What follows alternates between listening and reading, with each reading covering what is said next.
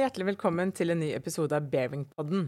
Dette er vår egen podkast hvor vi diskuterer ulike temaer som vi er opptatt av. Jeg er Merete Wiel, leder av Sustainability Consulting her i Bearingpoint Norge, hvor vi tilbyr tjenester knyttet til bærekraft og bærekrafttransformasjon.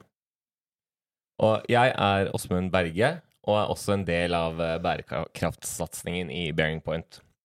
I dagens eh, podkast skal vi snakke nettopp om bærekraft og bærekraftig omstilling. Og sammen med oss i dag, for å belyse interessante aspekter ved nettopp dette, så har vi administrerende direktør i Torvald Klavenes, Lasse Christoffersen. Velkommen til oss. Tusen takk for det. Hyggelig å være her. Supert å ha deg her sammen med oss. Uh, vil du starte med å fortelle litt kort om deg selv og din rolle i Klavenes og eventuelt bransjen? Ja, det kan jeg gjøre. Jeg uh, heter Lasse. Jeg jobber som administrerende i Klavenes. Vi er et uh, tradisjonelt privateid selskap i Norge som jobber innenfor maritim industri. Vi har et rederi. Vi driver, har et betydelig teknologivirksomhet gjennom Klavnes Digital. Vi har en tradingvirksomhet, og vi jobber nå har satt opp en ny virksomhet rundt dekarbonisering. Så det er en ganske bred plattform. Alt handler om å, eh, det som vi kaller da, make seaborne supply chains resilient, decarbonized og cost effective. Det er liksom vårt, vår paraply. Uh, utenom det så har jeg vært i systemet i ganske mange år. Var en tur i Veritas før det. og som jeg ikke kan skjule, så har jeg vokst opp rett i nærheten av Bergen. Veldig bra. Supert. Og det er jo spennende når vi ser på både ulike bransjer og ulike virksomheter, så så ser det jo ut som virksomheten har kommet eh, ulikt langt i forhold til å, bli tydelig på hva bærekraft betyr for dem, mm. og hva det er viktigst å legge trøkk på. Så selv om temaet er present i samfunnet, så, så, er jo reisen ganske ulik. Uh, kan du ikke fortelle litt om, uh, om, dere? Når vi ser dere utenfra, så fremstår dere jo som gjennomsyret av visjoner og ambisjoner på ja. å bidra til et bærekraftig samfunn. Ja, altså, skal være helt ærlig, ordet bærekraft er litt sånn fremmed for meg. Altså, det, det, tror jeg aldri bruker, og har aldri uh, brukt det. Og vi har aldri liksom, hatt det som en drivkraft. Vi har, da vi satte oss ned for seks-syv år siden for liksom, å lage en nye strategiske plattformen, så var vi mye mer opptatt av å si hvor går verden, og hvor kan vi skape verdi? Uh, og da så vi at det var to hovedtemaer. Uh, det ene er digitalisering, og det andre er dekarbonisering. Eh, og vi var helt overbevist om at i vår, det hadde i veldig begrenset grad kommet til vår næring. Vi var helt sikre på at det var der fremtidens verdi skulle skapes. Så fortsatt dette var et veldig sånn drevet av hvor vi kan skape verdi. Eh, I tillegg så har vi vært et selskap som har jobbet globalt siden 1946. Vi var 75 år i fjor. Eh, og jeg tror det er en sånn fair antakelse å si at, at rederier møter på en måte verdens utfordringer før veldig mange andre. Vi møter korrupsjon i, i Afrika, vi møter kameraderi i, i, Midtøsten, vi møter politisk styre i Kina. Så vi er veldig utsatt for det å opptrå ansvarlig over tid, for å si det sånn. Uh, vi har sjøfolk fra tredje verden osv. Så, videre. Så, så for oss uh, har jo liksom dette bærekraft uh, veldig mange sider. Vi bruker ikke det ordet så mye, faktisk. Men veldig spennende. Du er jo inne både på dette med dekarbonisering, som åpenbart er et, et, stort område, og også det sosiale ansvaret. Mm. Um, kan du ikke si litt om hvordan dere jobber med dekarboniseringen? Hva er på en måte deres mål eller største bidrag? Det kan du si. Vi, jo, vi, tok en beslutning i 2015 og sa at vi skal ikke eie noen uh, på engelsk, men assets, altså kalde skip, som ikke har et signifikant fortrinn i, i, forhold til uh, karbonavtrykk. Det vil si at vi solgte, helt konkret solgte vi unna, og har solgt unna, og det ble avsluttet det i fjor, all tonnasje som er på en måte standardtonnasje. Så har vi satset utelukkende inn på skip som har 30-40 lavere karbonavtrykk enn det våre konkurrenter har. Uh, vi har startet opp en ny enhet som heter uh, Zero Lab, som jobber med, med, med kommersielle modeller for dekarbonisering. Uh, og vi har egentlig dekarbonisering som gjennomsyrer alt vi gjør. I tillegg så har jeg personlig brukt veldig mye tid i, både i Norges Rederiforbund, men også i det internasjonale rederiforbundet og inn mot internasjonale lovgivere på dette. Uh, fordi vi må både ha på en måte det private initiativet, og vi må ha det globale regelverket. Så, så vi må jobbe liksom på to plan her, da, og jeg har prøvd å prøver etter beste evne og bidrar på begge. da. Veldig spennende. Men litt sånn til oppstarten. altså Vi ser jo flere virksomheter som uh, har fått opp øynene for temaet og ser ja. viktigheten av det, men allikevel strever litt med å komme ordentlig i gang. Mm. Uh, det å få opp bevisstheten, eller på en måte ha at alle drar i samme retning. Uh, hvordan opplevde du dette hos dere? Altså, var det noen konkrete forventninger fra grupper rundt dere, kunder, ansatte, eiere? Nei, jeg tror jeg vil påstå at vi, vi begynte med dette før det var opplagt for andre. Det var ikke noe eksternt press. Det var mer en internt drevet mulighet. Og eh, både med dekarbonisering og digitalisering, egentlig. Så, så det vi Vi tar dekarbonisering først, da. Så, så begynte vi for alvor å jobbe med dette for fem år siden, da. Sånn, og så på det som et strategisk initiativ. Eh, og da må jeg innrømme, da, liksom, du får den følelsen som toppleder at du står og ser ned på organisasjonen, så sier du men liksom, why don't you get it? Altså, kom igjen, folkens, liksom, dette er helt opplagt. Vi skjønte at vi må ta et steg tilbake, at det mangler betydelig kompetanse. Enorm kompetansegap på, en måte på hva sånne som meg får muligheten til å få tilgang til av kompetanse fordi jeg har nettverk og er stede i forum, kontra personer som primært har sin arbeidsplass på en pult i Norge. Så, så, det vi gjorde, var at vi, litt sånn som vi hadde lært av digitaliseringsinitiativene våre, at vi lagde en tydelig modul innenfor det vi kaller Klavenes Academy. Så vi har drevet skikkelig heftig opplæring av alle ansatte de siste to årene. Uh, og vi kaller det Decarbonization by Klavene, og det er påbudt trening. Og vi hadde alle gjennom et grunnkurs i fjor. Alt fra på en måte hvorfor er det viktig å, å jobbe med klima, hva betyr det, hva er vår næring i det store bildet, hvilke løsninger finnes, osv. Og i år så har vi konkretisert det, eller på slutten av fjoråret og inn i året nå, helt ned på konkrete spor som sier hvilke tekniske løsninger er det. Hva skjer på regelverksutvikling? Hvordan er vår strategi? Og så, så vi har brukt veldig mye tid på etterutdanning av folkene våre. Um, og det ser vi virkelig effekten av nå. Nå vil jeg si at nå er det, nå er det et enormt initiativ og sånn trøkk i organisasjonen på å jobbe med det grønne. Absolutt alle, tror jeg, som snakker i vår organisasjon, prøver å se det i en dekarboniseringskontekst uansett. Så, så det, det, det, er faktisk veldig gøy å se, men det, det, krever, eh, krever, et skikkelig løft på kompetanse. Vi, de fleste av oss tror vi kan mye om det, men vi kan egentlig veldig lite. Altså. Ja, Veldig spennende å høre. og Én ting er jo å drive med drypp, men å faktisk kjøre alle de ansatte gjennom et sånt ordentlig løp eh, er jo kanskje noe som flere kunne ha nytte av. Ja, og da mener vi, altså, da mener vi ordentlig. altså. Det er ikke sånn en time en ettermiddag. Bare, som et annet eksempel, da vi gjorde det samme på Data Analytics, eh, så sa vi at det er forventning at du bruker to timer arbeidstiden din hver uke i et år på å etterutdanne deg. Eh, og når vi gjorde opp i stikket etterpå, så var det omtrent det som var snittet. Noen mer og noen mindre. Og vi fikk tauet hele organisasjonen gjennom skikkelig dyp trening. Eh, og da var det jo både de som på en måte kunne mye, som skulle få påfyll, men aller viktigst var den store flertallet som syntes dette med data og digital hørtes bare veldig skummelt.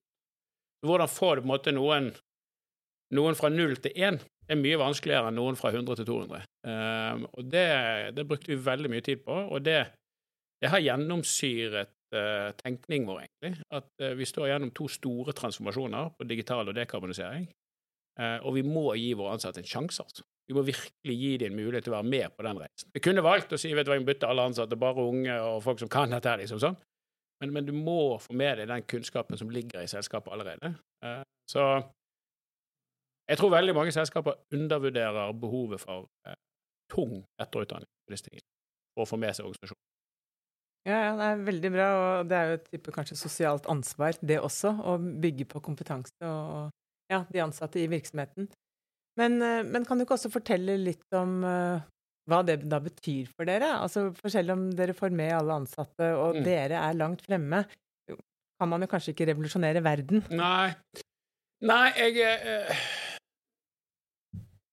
De gangene vi blir deprimert og lei oss, og jeg ser at folk just tenker så, så, er det fordi at vi ser rundt og tenker men dette går jo for sakte, og det er for få, liksom, det er bare unntakene. Og jeg prøver ofte å bruke et bilde på det som er et, et sykkelritt da, eh, som varer som uendelig lenge. Eh, det tar veldig lang tid, og i hoveddelen av det sykkelrittet så er hovedfeltet samlet.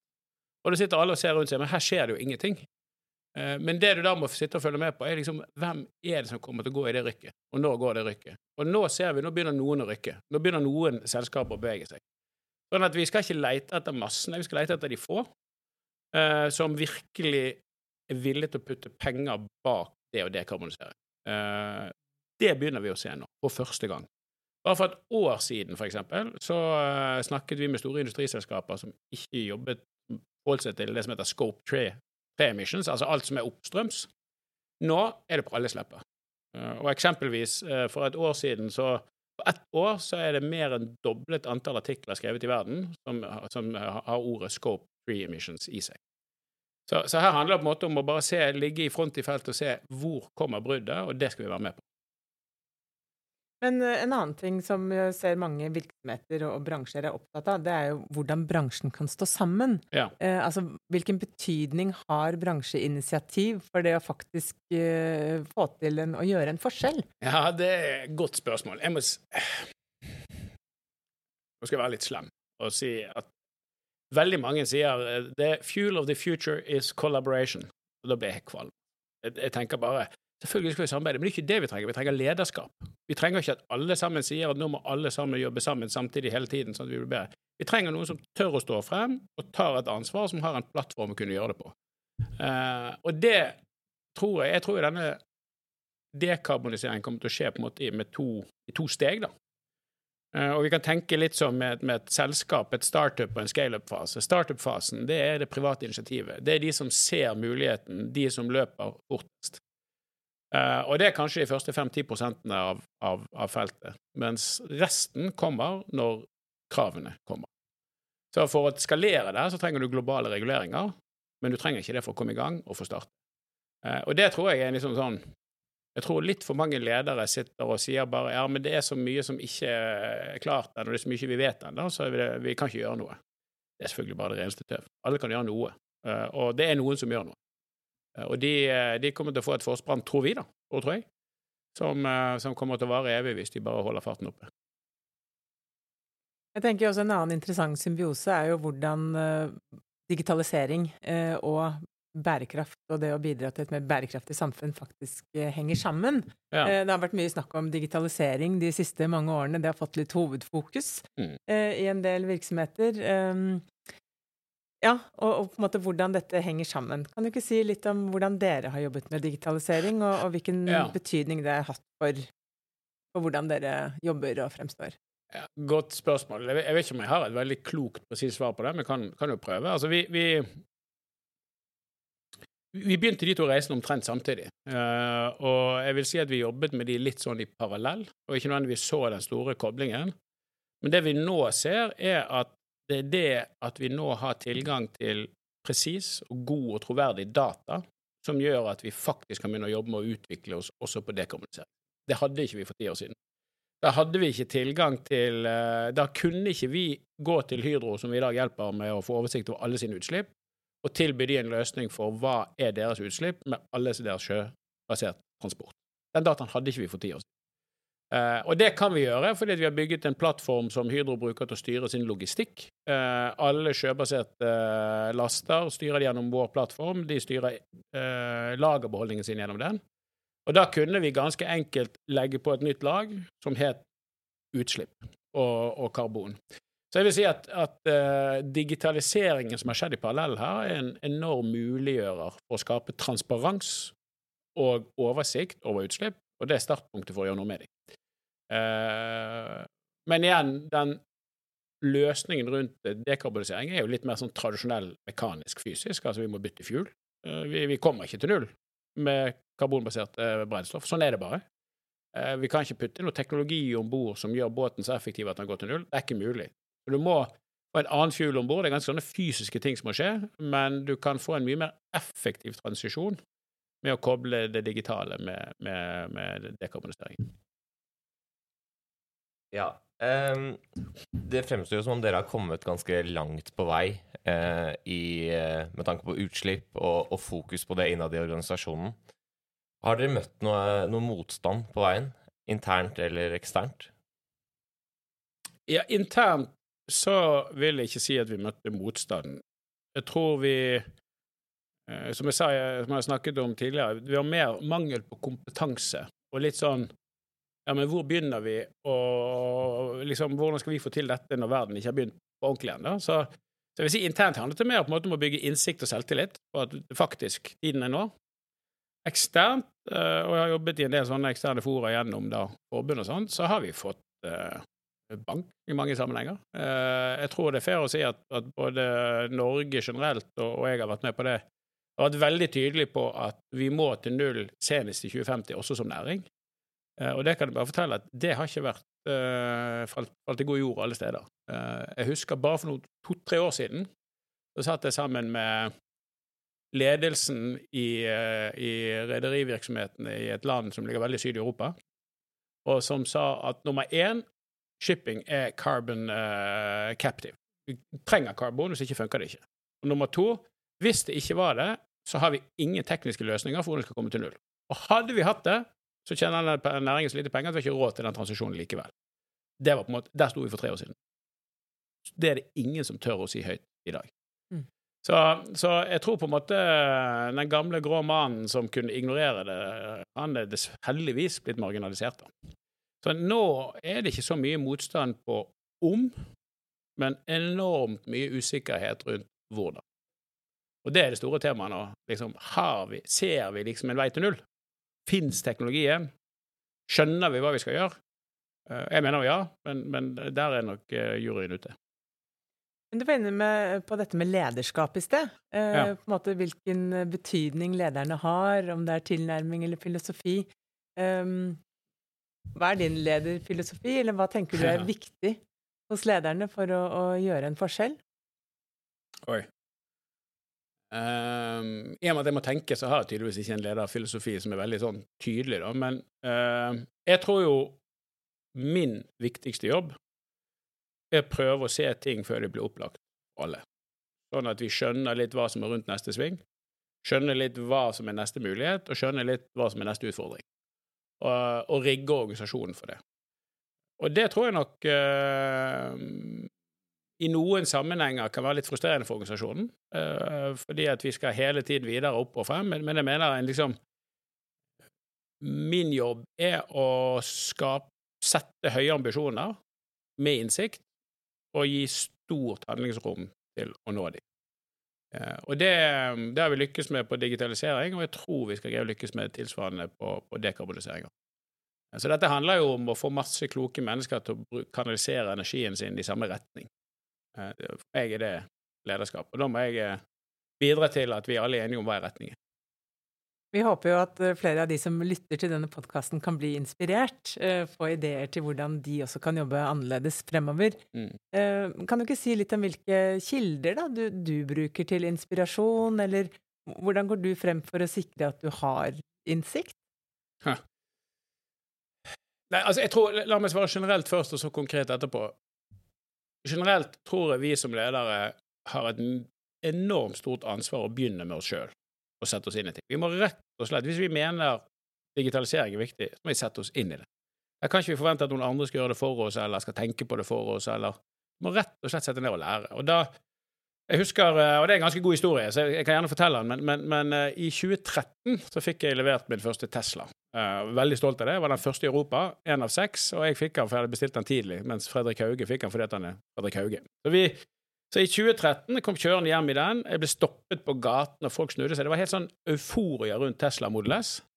Jeg kjørte den ned til sånn uh, CEO Summit, høres veldig fint ut, men det er egentlig bare et seminar hvor vi diskuterer ting. Og der snakket de om disruptive uh, technologies. Så husker jeg kjørte hjem fra det seminaret, september 2013, i min flett nye Tesla og tenkte denne næringen vår er jo ikke i nærheten.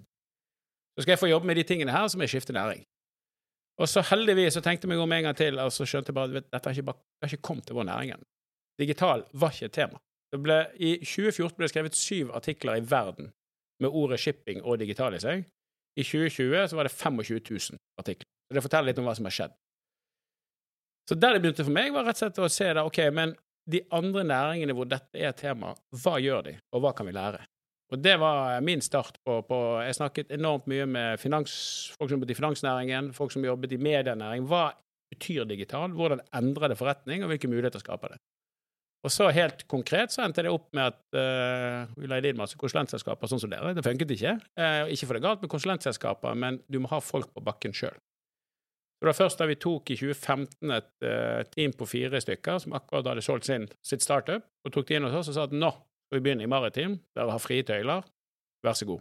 Tilgang til alle kunder, all kunnskap, alle ansatte. Hvor begynner vi? Da begynte vi å få sving. Jeg tenker Flere kjenner jo også på begrensninger i budsjetter og investeringer. Hva skal man gå for? Hva er viktigst uh, først? Mm. Eh, og i, i, disse diskusjonene så blir det jo litt sånn Skal vi sette det ene eller det andre høyest på agendaen? Ja. Eh, har dere på noe tidspunkt følt at dere har Eller hva er det dere føler at dere har prioritert ned, når dere liksom har prioritert dette opp? Ja, det er jo et godt spørsmål. La meg begynne i en annen ende først. Styret i et selskap fungerer veldig bra på mange ting, men det er helt elendig på ting som er udefinerte og uklare, og som ligger litt frem i tid. Så det å tenke at styret er et sånn forretningsutviklingsorgan, det kan du bare glemme. Du er nødt til å tørre å ta litt personlig risiko som leder. Du må tro på noe, og så må du holde på med litt med det, og så må du få vokse og gro litt og bli litt substans før du på en måte begynner å ta det inn i en litt sånn formalistisk sett.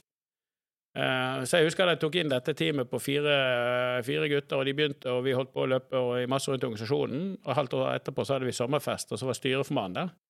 Og så gikk da han, lederen for dette teamet bort og sa 'Hei, hvem er du?' 'Jeg er Alex', liksom. Og så sier Trond, uh, som da også eier firmaet, by the way, 'Ja, hei, jeg er Trond. Hvem er, hvem er, du?' 'Nei, jeg jobber med å digitalisere Klaveness'. Oh. Er vi begynt med det, liksom? Og det var ikke fordi jeg holdt noe skjult, men det er bare Du må tørre å forfølge det du, du tror på, da. Uh, og det, det, kommer du ikke til å få klapp på skulderen for til å begynne med. Det er først når ting begynner å bli litt modent, at, liksom, at det blir tydelig for andre. Da. Så, så jeg tror uh, du er nødt til å ta litt personlig risiko. Og så er spørsmålet ok, hva prioriterer du ned? og Sånn. Det som var en utfordring for oss i 2015-16, var at vi da ble veldig opptatt av det digitale, de nye, og så sier de som har sittet der en stund, ja, men hva med oss? Altså, liksom, er vi B-laget, vi nå? Nå liksom, skal alt være digitalt nå?